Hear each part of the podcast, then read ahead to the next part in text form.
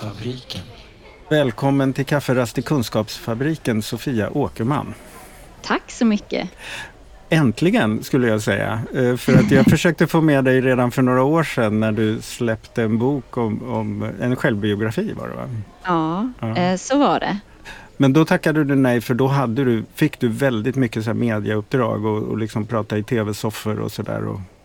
Precis. Eh, dels hade jag väl mycket precis eh, i den här perioden då boken släpptes och sen var det en självbiografisk bok första gången på ganska länge som jag släppte mm. en sån där självbiografisk och det hade jag väldigt kluvna känslor eh, inför eh, där och då så att eh, jag var lite osäker på mm. hur många sådana där framträdanden jag skulle ta på mig. Sofia Åkerman är född 1984.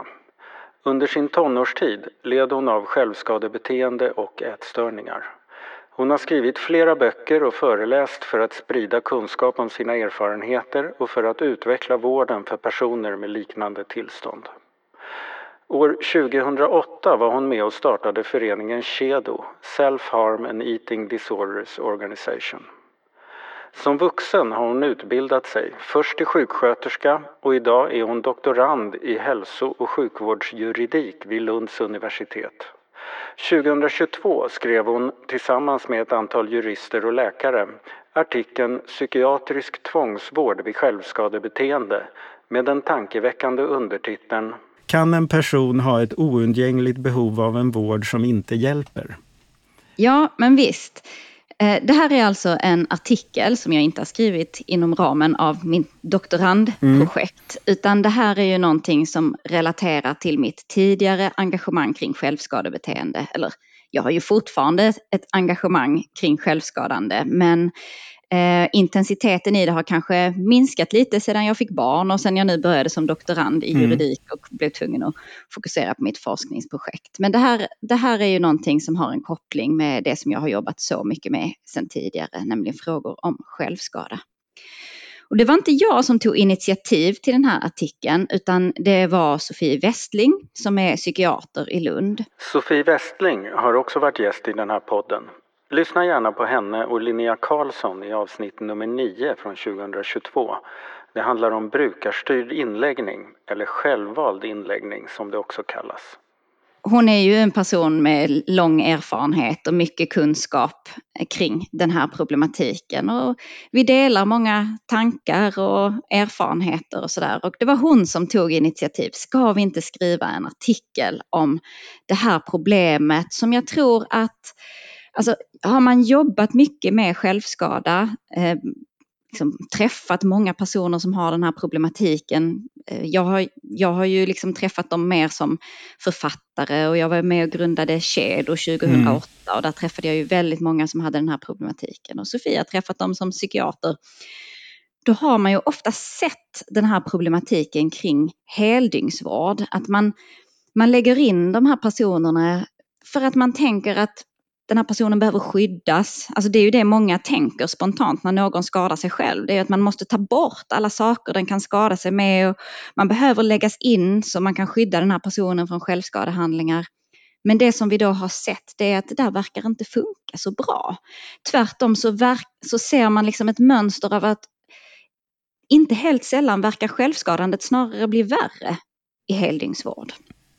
Och kanske särskilt i tvångsvård eller? Eh, för det är en distinktion där mellan heldygnsvård och tvångsvård i heldygnsvård.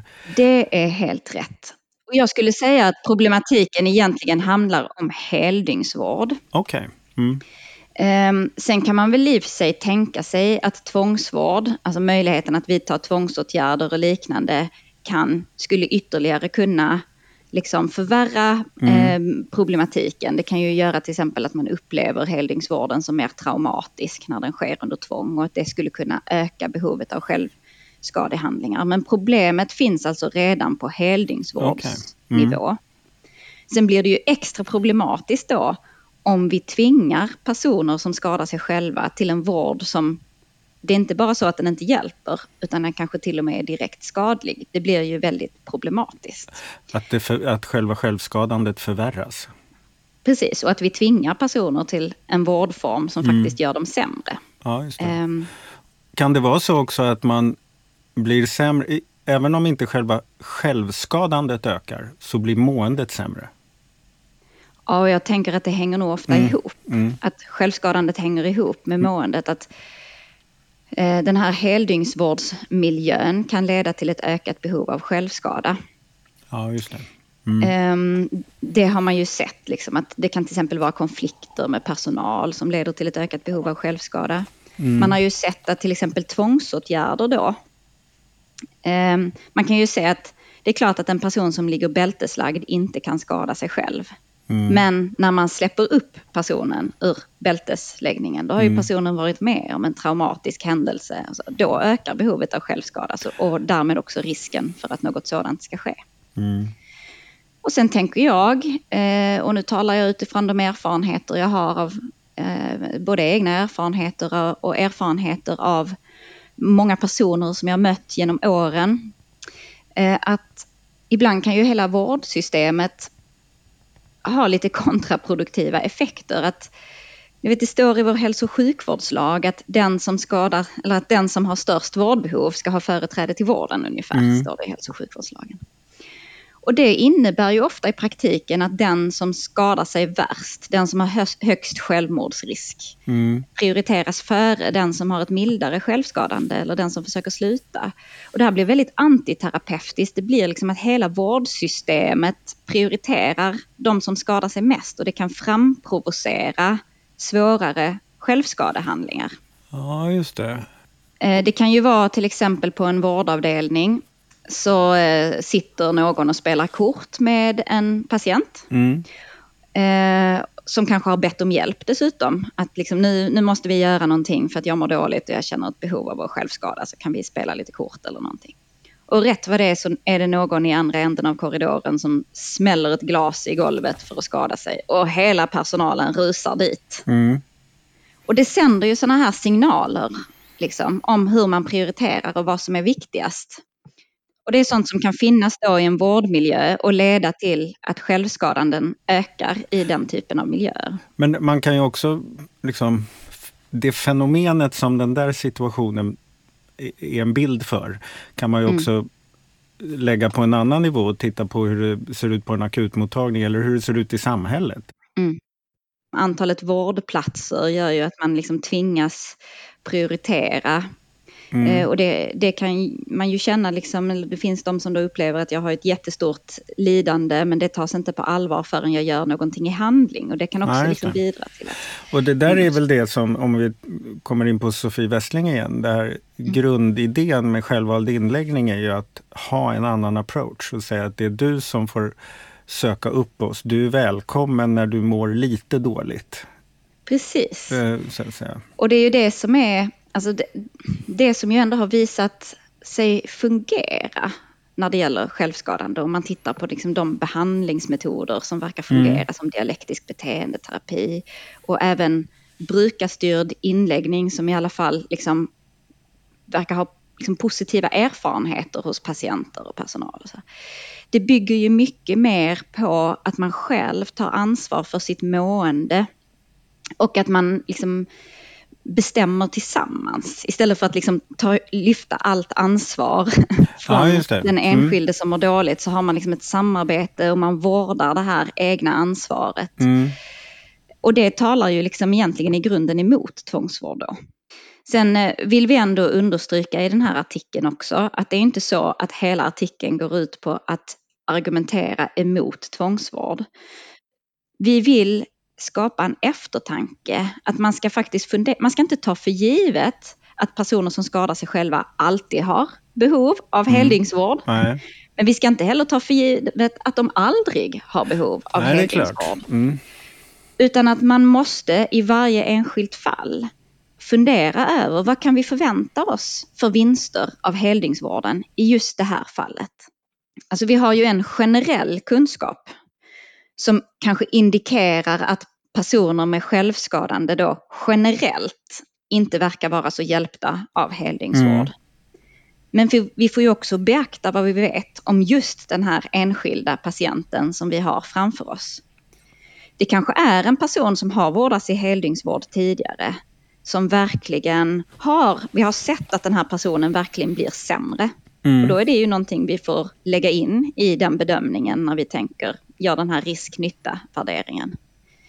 Eller så är det en person som vi kan se faktiskt har haft, varit hjälpt av heldningsvård tidigare och att det har funkat ganska så bra. Mm. Och då är det ju någonting som vi kan väga in i den här bedömningen med risk kontra nytta.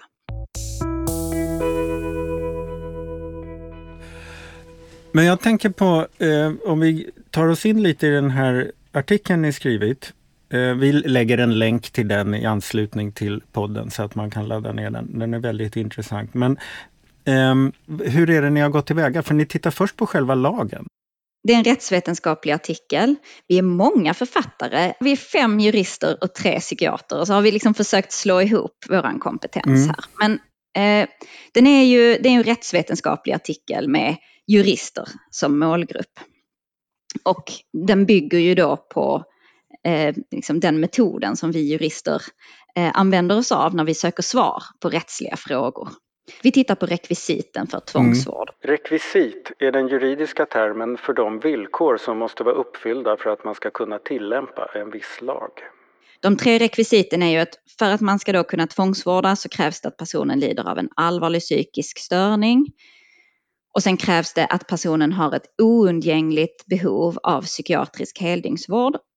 Och så krävs det att personen, eh, alltså att man inte har personens samtycke till den här Ja, just det. Mm, precis. Och vi intresserar oss särskilt för det andra rekvisitet där. Om oundgängligt vårdbehov. Mm. För utifrån den kunskap som då finns om självskada, den liksom begränsade forskning som finns som ändå indikerar att heldygnsvård verkar inte fungera så bra för den här målgruppen. Kan det rekvisitet vara uppfyllt då? Alltså kan man ha ett oundgängligt behov av en heldygnsvård som det egentligen inte finns något vetenskapligt stöd för att det skulle vara verksamt. Det är ju mm. det som är liksom mm. själva problematiken som vi undersöker. Och då tittar vi på hur har lagstiftaren tänkt? Har, liksom, har de resonerat någonting kring detta när de skapade lagen, lagen om psykiatrisk mm. tvångsvård? Mm. Så det har vi ju tittat på. Och det kan vi ju se att det gör de inte riktigt. Den här lagen, lagen om psykiatrisk tvångsvård, den är ju från tidigt 90-tal. Mm. Och lagförarbetena är från slutet av 80-talet där. Mm. Eh, slutet av 80-talet, kring 1990. Och då var ju inte självskadebeteende någonting som man egentligen pratade om i samhället.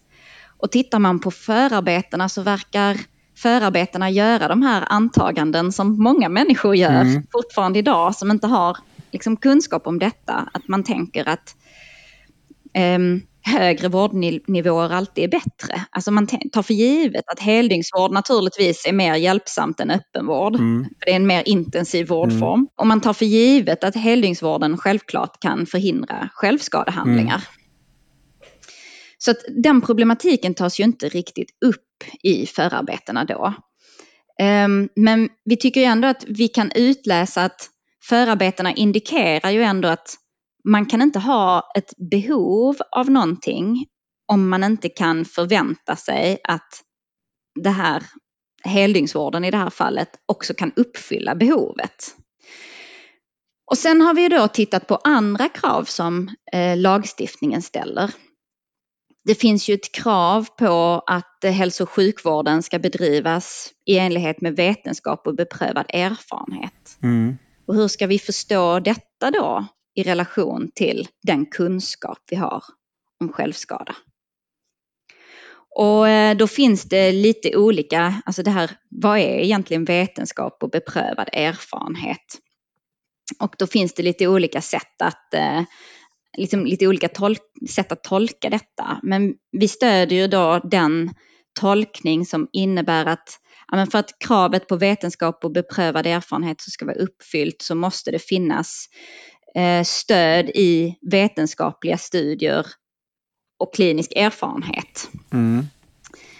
Så det här innebär att det måste liksom, för att det här kravet ska vara uppfyllt så måste det i det här enskilda patientfallet så måste det finnas tillräckliga belägg genom forskning eller genom eh, kliniska erfarenheter av hur det har fungerat för den här personen tidigare. Vi måste ha någon form av belägg för att nyttan med den här åtgärden i vart fall kommer att överstiga risken.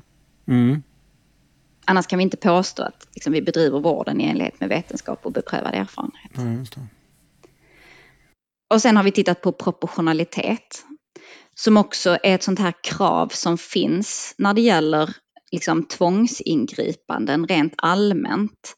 För det är ju ett stort ingripande i den enskildes självbestämmande och integritet och då måste ju det ingripandet, alltså den skada vi vållar måste stå i proportion till den nytta som åtgärden kan förväntas ge. Ja, just det. Um, och det innebär ju också att vi måste helt enkelt fundera på vilken nytta kan den här, vi kan inte mm. vidta heldningsvård rent slentrianmässigt. Och inte bara utifrån att nu verkar den här personen ha det eller vara väldigt stökig. Um, nej men precis. Vi kan ju se till exempel att domstolar, när de ska då bedöma om det här, mm. om det föreligger ett oundgängligt vårdbehov, så kan de skriva i princip att eh, berätta att ja, men den här personen har ju ett allvarligt självskadebeteende och det föreligger en stor risk att den här personen kan komma att skada sig själv och därför så har den här ett oundgängligt behov av psykiatrisk heldygnsvård. Men det där är ju en lustig tankevurpa för det ena är ju ett skäl för ingripande. Och det mm. andra är ju en tanke om vård. Alltså det ena är att, alltså det känns ju som att i det där fallet säger man den här personen har ett sånt allvarligt självskadebeteende att vi borde göra något. Mm. Men då blir det automatiskt att vi säger att eftersom vi borde göra något så är det det här vi ska göra.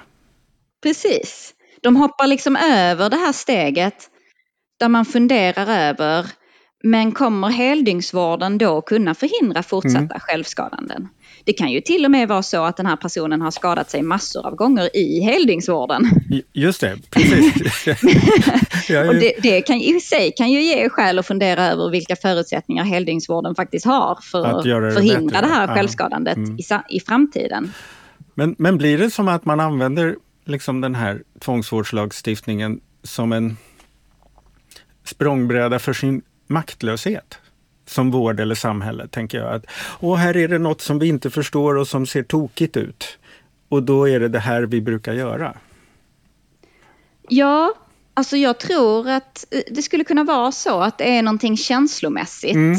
Det känns rimligt att om man har en person som skadar sig själv så ska den vara i en säker mm. miljö. Liksom.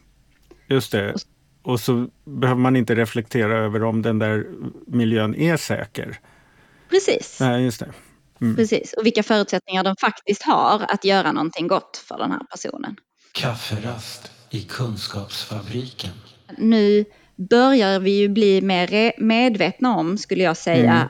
just de här effekterna på heldygnsvård. Så man är ju generellt sett, vill jag ändå säga, mer försiktig med heldygnsvård idag än mm. vad man har varit tidigare. Men när jag började engagera mig i frågor kring självskadebeteende under åren kring millennieskiftet och tio år framåt i alla fall. Då såg man ju verkligen personer som fastnade i mm. heldygnsvården och bara blev sämre och sämre. Och ja, ju, ju svårare självdestruktiva beteenden de utvecklade, ju svårare blev det ju också att skriva ut de här personerna ja, till friheten. För mm. risken fanns ju att de skulle dö. Mm. Så därför så fastnade man i sådana här mönster av heldygnsvård som kunde pågå i åratal. Mm. Um, är det mindre av det idag skulle du säga? Utifrån ja, min bild är mm. att det är mindre av det idag. Um, sen är ju inte problematiken borta. Jag tycker fortfarande att man kan se personer som eh, tvångsvårdas. Eh, kanske inte lika långa perioder, kanske fortfarande för långa. Mm. Mm. Um, men just där man också funderar på om det här verkligen är till gagn för mm. personen. Eh, mm. Men sen finns det ju också eh, ett problem idag som inte alls var lika stort liksom under de här första tio åren in på millennieskiftet. Eh, ett problem som finns i högre grad idag är ju också det här med att jag ser i högre grad att man av ren princip inte lägger in personer som skadar sig själva eller problem med kontrakt som innebär att om personen skadar sig på inom heldygnsvården så blir man automatiskt utskriven av mm. det skälet. Um, där man kanske drar det för långt på det hållet. Mm.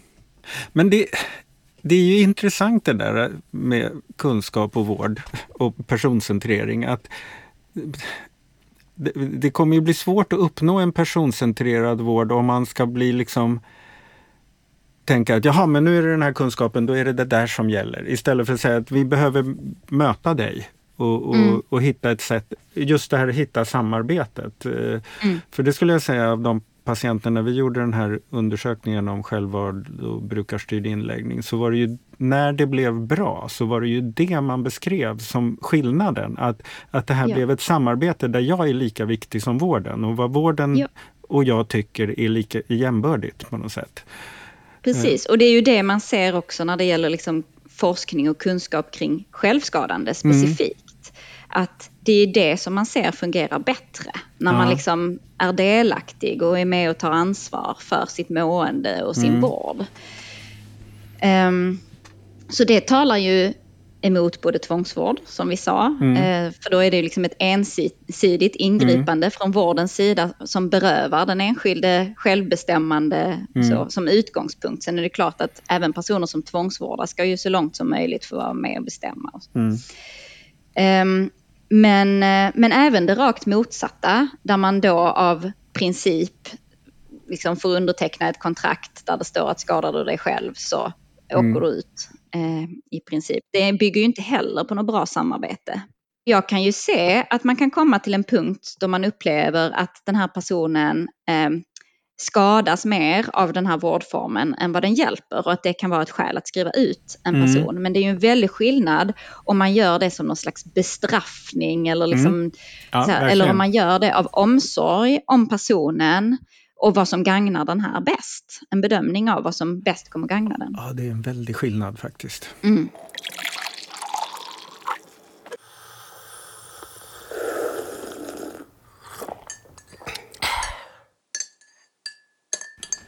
Alltså jag tycker det är otroligt intressant, allt de här sakerna som ni har tittat på och, och de konsekvenser det får i, log, i logiken kring lagstiftningen. Sådär. Eh, och där är det också intressant att den här typen av ohälsa eller uttryck för ohälsa som självskadan är, eh, inte var så känd när man skapade det här utan det byggde kanske mer på de mer den kunskap man hade kring psykossjukdom och bipolär sjukdom kanske man eh, kan säga att den här lagen är designad för i större utsträckning. Ja.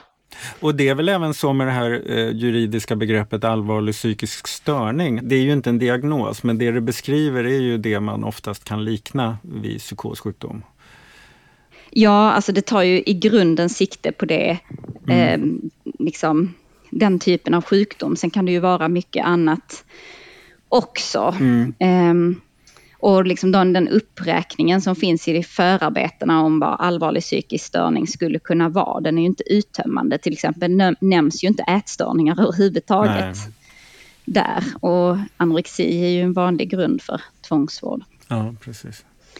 Men eh, och man, Nej, men, har, man reflekterar ju inte heller i förarbetena kring självskadande som Nej allvarlig psykisk störning. Nej, men man gör ju det där antagandet utifrån det kunskapsläge man då ansåg sig finnas i då. Att den vård vi har är det som är bra för de här sakerna. Och sen dyker ja. det upp liksom nya saker på arenan och då eh, funkar inte det där antagandet att, att, som du var inne på, det här med vårdintensivare nivåer nödvändigtvis ja. är bättre, utan det blir ja. någonting annat. Det, det där är ju, ny, nya fenomen bemöts ju ofta som att det är något fel på, på dem. Snarare ja. än att eh, titta på att oj, här skulle vi behöva ompröva våra antaganden kring saker ja. och ting. Eh, och, och, den här artikeln gör ju precis det att den använder det här, det som många tycker är jobbigt och problematiskt. Snarare mm. använder ni ju det som en en ingång till att förstå lagen. På något Ja. sätt. Eh, och en förhoppning också. Alltså, målgruppen har ju varit jurister för att medvetandegöra exempelvis domstolar om att man kan inte bara liksom göra det antagandet att heldygnsvård alltid kommer att vara bättre, liksom ge mer stöd bara för att det är heldygnsvård snarare än öppenvård. Utan man måste också fundera över det här mellansteget. Kommer heldygnsvården verkligen göra mer nytta än skada? Ehm, men eh, vi har också tänkt att, och det är ju faktiskt det är ju många från medicinen och psykiatrin som har läst den här artikeln. Jag har kanske mer, fått mer respons egentligen från läkare jag som har läst den här Mm. artikeln. Som jag har fått bilden av kunnat få ett stöd för de tankar man har. Alltså, man har ju den här erfarenheten av att det inte hjälper. Det kan ju också vara, det, är ju det här med ansvaret också, att man kan vara rädd för att skriva ut en person som riskerar att skada sig själv. Mm. Kan det liksom falla tillbaka på mig? Har jag fattat ett felaktigt beslut då? Ehm, och den här artikeln ger ju stöd för att ett sådant beslut faktiskt kan vara helt juridiskt adekvat. Utifrån de här reson- resonemangen som vi för. Även om självskadan fortsätter så kanske det ändå var rätt att inte eh, tvångsvårda en person. Precis. Mm. För att det finns en god anledning att tro, alltså, eller har man gjort den här avvägningen så ska man ju ha gjort det för att man bedömer att risken för att skadan, självskadan fortsätter i heldygnsvården och kanske till och med förvärras Mm. eh, i heldygnsvården, den är överhängande. Och i ett sådant läge så är det rätt beslut att skriva ut personen, även om det kan innebära att personen skadar sig även i den miljön. Mm. Ja. Det, det finns en annan sak med tvångsvården. Vi gjorde tidigare, eller i fjol, en undersökning om tvångsvård åt Socialstyrelsen. Då tittade vi inte så mycket på de här rekvisiten. Eh, Man anar ju hur patienter upplever själva ingripandet och, och, och just det här, eh, är det här verkligen något som hjälper? Det kommer ju fram väldigt mycket för man tycker inte att man får någon vård när man hamnar i tvångsvård. Att man får med läkemedel som man inte vet om de funkar och så får man vänta. Ja. Eh, Men, men det vi försökte koppla det till är en annan sak som står i lagen. Att syftet med tvångsvården är att skapa förutsättningar för frivillig vård. Mm. Och, och det här du beskriver är ju definitivt också att om det eskalerar så ökar ju inte möjligheterna till frivillig vård heller. Nej. Ehm, Så att Nej. även om ni inte särskilt har tittat på just den detaljen så kan man Ja. väl se att den, det syftet om inte görs ju också förmodligen om, om man tar i för häftigt. Ja. Eh, ja men säkert. Och sen tänker jag ju att det var precis som det du sa innan att när självskadande blev liksom uppmärksammat i samhället kring millennieskiftet där och man såg en stor ökning i antalet unga som sökte hjälp för Mm. självskada. Då behandlade man ju detta så som man hade behandlat psykoser och depressioner, så man la in personen inom heldygnsvården. Tänkte liksom, nu ska vi skydda personen under en akut kris och så ska vi hitta rätt läkemedel som Mm. hjälper. För då tänker man att om vi medicinerar liksom depressionen eller ångesten som ligger till grund för det här självskadandet så försvinner självskadandet på köpet. Mm. Och ingen av de här åtgärderna har ju, nu har vi ju liksom haft 20 år på oss att se konsekvenserna av detta. Ja. Och att skydda personen i en heldygnsvårdsmiljö verkar generellt då inte fungera särskilt bra. Och läkemedel har ju inte heller, alltså om man nu ska generalisera, det verkar inte ha jättebra effekt på förekomsten av självskada. Nej. Och det tror ju jag har att göra med att självskadebeteenden ofta fyller eh, också interpersonella eh, funktioner. Alltså det fyller också, ba- också sociala funktioner Ja. i förhållande till andra människor. Det kan vara ett sätt att kommunicera lidande, eh, att få en plats i en hälso och sjukvård som har Mm. platsbrist. Mm. Alltså att det, det, eh, och för många personer så fyller det liksom flera funktioner Ja, och en del av det är, eh, inte alltid men ofta i alla fall, de här också sociala funktionerna. Och det är väldigt svårt att medicinera bort. Mm. Så att jag tror att det är väldigt ovanligt att det fungerar på det viset att man kan liksom medicinera bort depressionen och så försvinner självskadandet på köpet. Ja. Um, så, och det var ju där den där maktlösheten uppstod. Mm. Det här hjälper inte, helhetsvården hjälper inte och, medicinerna hjälper inte. Vad ska vi göra då? Och det här det har ju varit ett tungt arbete mm. som eh, fick mer fart kring 2011 skulle jag säga då man eh, dels kom det fram då eh, forskning, kunskap som visade på att unga kvinnor är den gruppen inom psykiatrin som utsätts för mest tvångsåtgärder. Mm. Det var det ju säkert en del som blev lite förvånade över. Och det verkar ju vara de här unga kvinnorna med självdestruktiva beteenden. Och mm. ungefär samtidigt så började man ju också eh, uppmärksamma de här problemen med att man hade börjat skicka unga kvinnor med, med självskadebeteende till rättspsykiatrin eh, i brist på andra alternativ. Och då fick det ju lite fart för då tillsatte, eh, det hette ju Sveriges kommuner och landsting då, idag ja, heter det Sveriges kommuner och regioner. Eh, SKR och regeringen tillsatte det här nationella självskadeprojektet. Just det. Och där ni ja. Kedo var med? Absolut. Och spelade en viktig roll får man väl säga.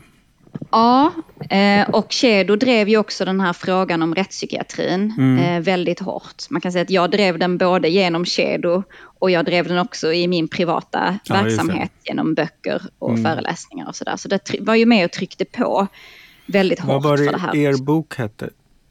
Den heter Slutstation rättspsyk. Så var det. Och det är du och Therese Eriksson som har skrivit den? Mm. Precis. Och Therese Eriksson kan ni lyssna på i den här podden i avsnitten 2 och 6 från 2019. Och det var ju också någonting som var med och liksom tvingade fram nu måste någonting hända ja. eh, kring den här gruppen. Men det, har ju, det är ju inte någonting som man löser över en natt. För då Nej. gäller det då, om vi inte ska ge de här personerna heldygnsvård i lika hög utsträckning i alla fall och mediciner verkar inte fungera, vad ska vi göra då? Mm.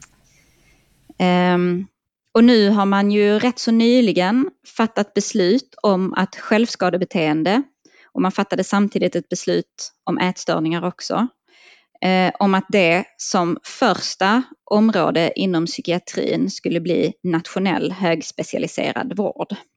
Och det innebär ju att det är ju sådana problem som är så pass eh, svåra, alltså kräver hög nivå av kunskap och som kanske inte heller är så vanliga.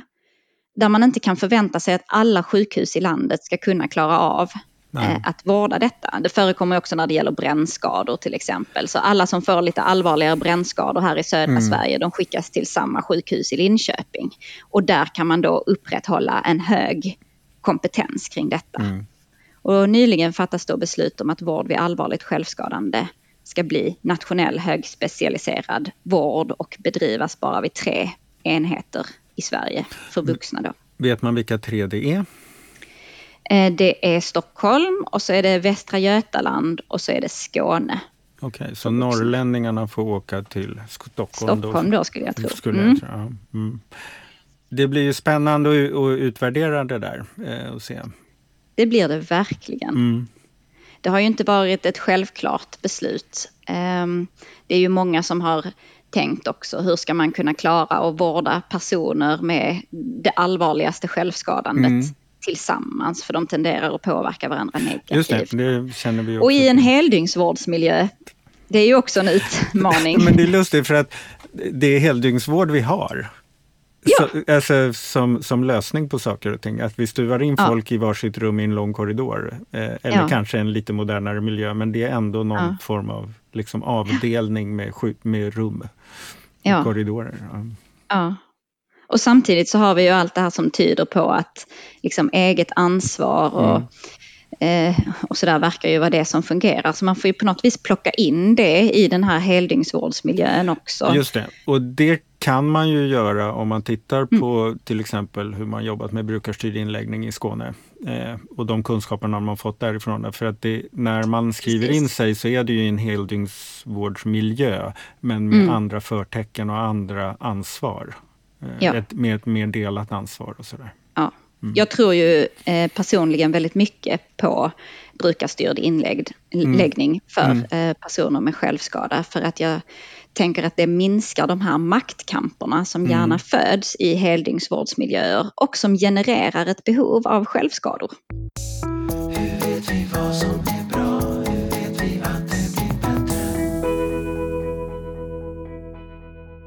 Jag tror också att det här att man har varit tvungen att utforska vårdens brister och möjligheter via självskadebeteendefiltret mm. gör mm. att det också kan göras mycket bättre vård för psykossjuka och depressiva. Ja. Alltså, alltså jag tror att det, det är en kunskapshöjning som gagnar alla. Ja. Uh, för den här känns det där som det provocerande med att ham hamna i tvång, det innehållslösa att hamna på avdelning under tvång. Alltså det är ju mm. någonting i det där heldygnsvård på tvång som, som ofta stökar till det snarare än hjälper. Ja, visst är det så. Och det vore ju fantastiskt om det är så att det här som nu, den, den bristande kunskapen och bristen på alternativ när det gäller vård för personer mm. med självskada. Om det kan vara så att det också tvingar fram nytänkande och en bättre vård även för andra grupper ja, så är det verkligen mm.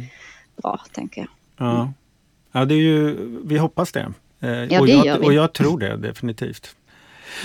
Jag tänkte på en annan sak. Eh, det här då dina egna erfarenheter som ju då ligger rätt förhållandevis långt tillbaks i tiden, nästan i början ja. på den här perioden som vi har beskrivit. Precis, här. 20 år sådär. Mm. Ja, just det. Eh, men har du fått en liksom större förståelse för vad som stökade till det då när du själv var i vården, nu när du har fått nagelfara de här komponenterna oh ja. i lagstiftningen? Um, Alltså jag har ju tänkt otroligt mycket mm. på vad det var som gick fel mm. eh, i min egen... För jag, jag har ju med tiden så har jag ju allt mer börjat tänka att jag tror inte att jag hade någon... Alltså det är ju det här, vad är sjukt och mm. vad är friskt? För det är klart att jag ser att jag hade ett allvarligt självskadebeteende mm. på den tiden. Jätteallvarligt. Men jag tror inte att jag egentligen var allvarligt psykiskt sjuk.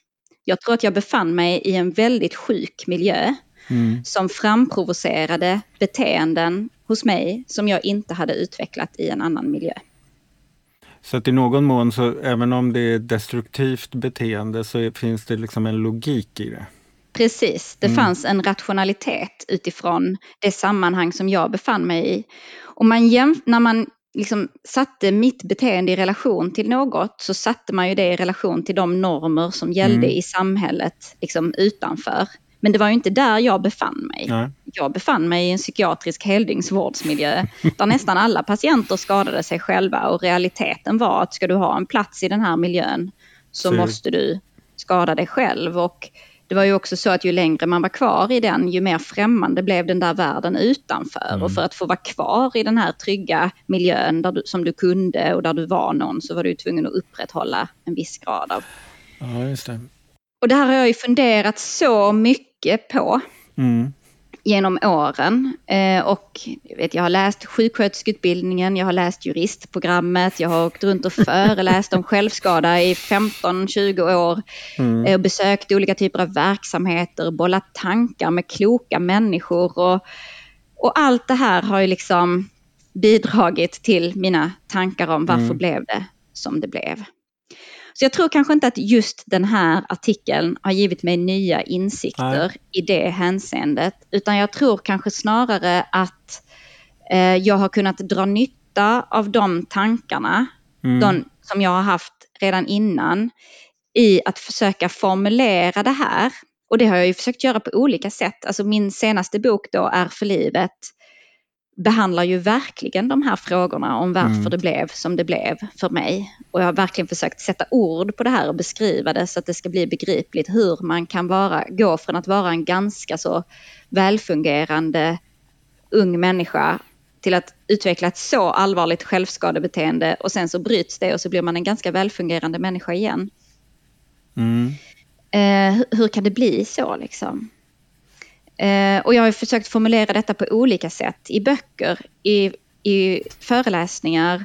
Och nu så försöker jag sätta liksom jurid, ett mm. juridiskt språk på detta och att försöka formulera det i en rättsvetenskaplig artikel som riktar sig mot jurister. Sen är jag som sagt inte ensam om detta, utan vi har varit flera som har... Det tror jag är en styrka med artikeln, att det är olika ja. kompetenser och att inte minst din kompetens som både jurist och själverfaren. För att det är mm. ju någonting när man ska grotta ner sig i en sån här sak och titta på rekvisit och sådär. För att då, som jurist kommer man ju till en punkt där man säger att ja, det hänger ihop. Fast du mm. kan ju vara kopplingen då till att ja, fast det får konsekvenser med mm. hur, hur, det här används. Och då, när man ser hur det används och hur det, vad det får för effekt så kan man också se att vi behöver formulera vissa saker tydligare för att det här ska funka. För att det ska mm. användas på rätt sätt eller på ett nyttigt sätt eller vad man ska säga. Ja. ja. Mm. Ja. Och det har väl varit mycket min roll i det här arbetet. Vi har haft de här olika juristerna som har varit med som mm. är jättebra på, ja, men någon har forskat om vetenskap och beprövad erfarenhet och någon är jättebra på proportionalitet och så folk som är bra på tvångsvård rent generellt och liksom jättestor kompetens på juristsidan. Men man har ju kanske inte jobbat så mycket med frågor kring självskadebeteende för det är väldigt mycket en psykiatrisk mm. fråga. Och sen har vi kanske personerna som är psykiatriker som eh, är jättebra på de här med liksom svåra bedömningar kring självskadande. Och de här tre psykiatrikerna som har varit med i den här artikeln eh, är ju personer med lång eh, erfarenhet mm. av att möta personer med självskadande och har mycket liksom fingertoppskänsla och kunskap om det. Och förstås kan också tvångsvårdslagstiftningen utifrån att man fattar de besluten. Men man har kanske inte suttit och tittat i förarbetena och Nej, på det här sättet som Nej. vi jurister gör. Mm. Så Nej, min, min roll har väl egentligen varit lite grann att binda ihop de här mm. två sidorna. Just det. Så att mm. även om ni är många så jag kan ju tycka att du med, med, med din position och dina erfarenheter blir ju lite navet i det här. Eh, ja, Även om det var Sofies att... idé. ja, nej men det blev, det, ja, eh, det blev kanske så. Jag vet ja. inte. Men vi har, varit, vi har varit nödvändiga allihop.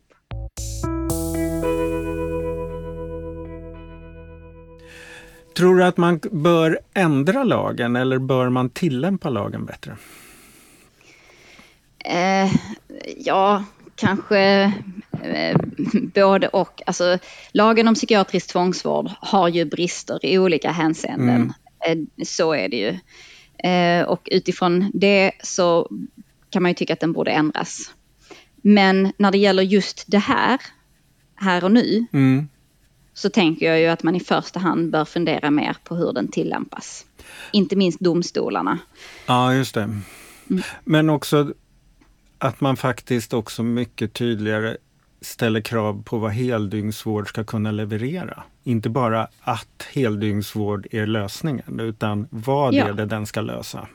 Ja, och det är det som jag tror att både läkare som fattar de här mm. besluten och domstolarna som sen bekräftar dem mm. genom sina domar behöver fundera mer på. Mm. Och det är egentligen det vår artikel handlar om. Att väcka den här insikten om att oj, vi har hoppat över ett steg här vi måste fundera på det också. Mm. Är det något du nu utifrån det här arbetet som du känner att nu skulle jag vilja titta mer på det här. Nu har du ju din doktorsavhandling då som handlar om lite andra saker. Men är det något mer på det här temat med tvångsvård och, och sånt um, som, ehm, som du skulle vara sugen oh, på att göra mer av? Um, ja, alltså någonting som jag väl har som jag tycker är väldigt intressant det är ju egentligen det finns absolut inga konkreta planer på någonting. Så här, men jag tycker ju det är ju väldigt intressant det här med hur vi ser på, hur vi kategoriserar olika typer av problem. Mm. Eh, som, alltså hur vi delar in olika typer av problem som sociala respektive psykiatriska. Mm. Och till exempel ätstörningar och självskadande har vi då lagt under det psykiatriska fältet och där ingriper man med stöd av LPT. Men prostitution till exempel mm. har vi mm. lagt under, det är ett socialt nedbrytande beteende och om vi ska göra någonting för en ungdom där så ska vi ingripa med LVU. Och jag tycker ibland så här, varför delar vi in det ena i det, sorterar vi in det ena under det ena och det andra under det andra. För har man till exempel forskat på unga som skadar sig själv med sex, alltså unga som utsätter sig för sexuella relationer mot betalning ibland. Mm. Varför gör de detta? Jo, de uppger ju faktiskt väldigt liknande skäl för det mm. som personer som skadar sig genom att skära sig till exempel. Straffa sig själv kanske, mm. att hantera jobbiga känslor. Eh, också de här sociala funktionerna i förhållande till andra. Så att det fyller väldigt likartade mm. funktioner. Men vi sorterar sex som självskada under mm. sociala problem och skär man sig på armarna så är det under psykiatriska problem. Just det, och missbruk hamnar någonstans mittemellan? Ja, skadligt, det är ju skadligt en väldigt aktuell fråga hur vi ska sortera in. För mm. tidigare har ju det fallit under sociala problem. Mm. Men nu har vi ju med tiden mer och mer kommit prata om liksom beroendesjukdom. Mm. Och nu så föreslår ju Samsjuklighetsutredningen att man skulle flytta över ansvaret mm. för hela missbruksvården till hälso och sjukvården. Och då tar man ju mm. ytterligare ett stort steg mot att liksom, psykiatrisera beroendesjukdom. Så det där, det där tycker jag är väldigt intressant. Ja, just det. Vad förlorar vi i möjligheten att hantera någonting genom att lägga det i den ena eller den andra skålen? Liksom? Precis, och vad är det som gör att ja, vi just det. Vad av våra föreställningar om vad som är normalt är det som gör mm. att vi betecknar det här som ett socialt problem ja. och det andra som ett medicinskt? Ja. Hörru du, det tar vi med oss. Ehm, jag tror att vi kommer få göra många fler kafferast i Kunskapsfabriken. Om, ja, men det vore trevligt. Ja. Vad bra. Eh, stort tack för att du ville vara med Sofia. Tack själv Mårten. Den här podden görs av NSPH, Nationell samverkan för psykisk hälsa. Läs mer på vår hemsida www.nsph.se eller följ oss på Facebook. Kafferast i Kunskapsfabriken.